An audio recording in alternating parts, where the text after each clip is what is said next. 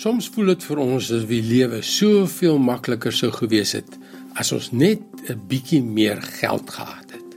Kom ons sê so 10% meer. Het jy al ooit so gedink? Maar kom ons dink aan mense wat wêreldwyd in verskriklike armoede lewe.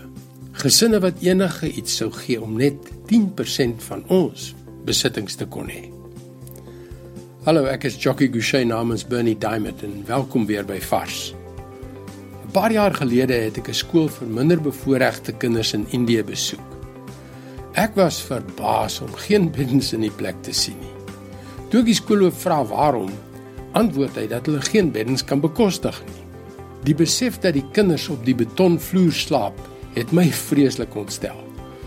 Ek het dit aan 'n paar vriende genoem en ons het saamgespan en 'n bietjie geld vir beddens gestuur.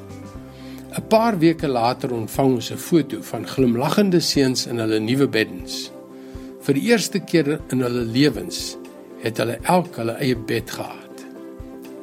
Dit is wat die skoolhoof geskryf het. Tuis slaap die meeste van hierdie kinders op vloere wat met beesmis gepleister is. Hierdie beddens gee hulle 'n goeie nagrus weg van rotte en kakkerlakke. Baie dankie. Sjoe.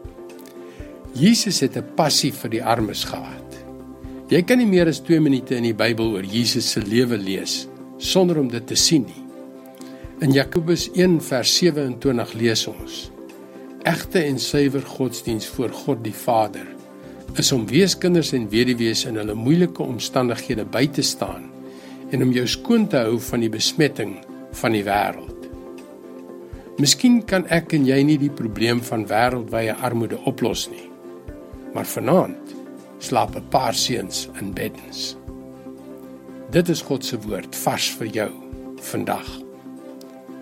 Ons is so geneig om te probeer om 'n gemaklike lewe te hê, 'n gemaklike Christen te wees.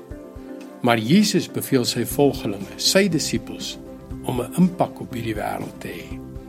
'n Betekenisvolle, kragtige, opofferende impak.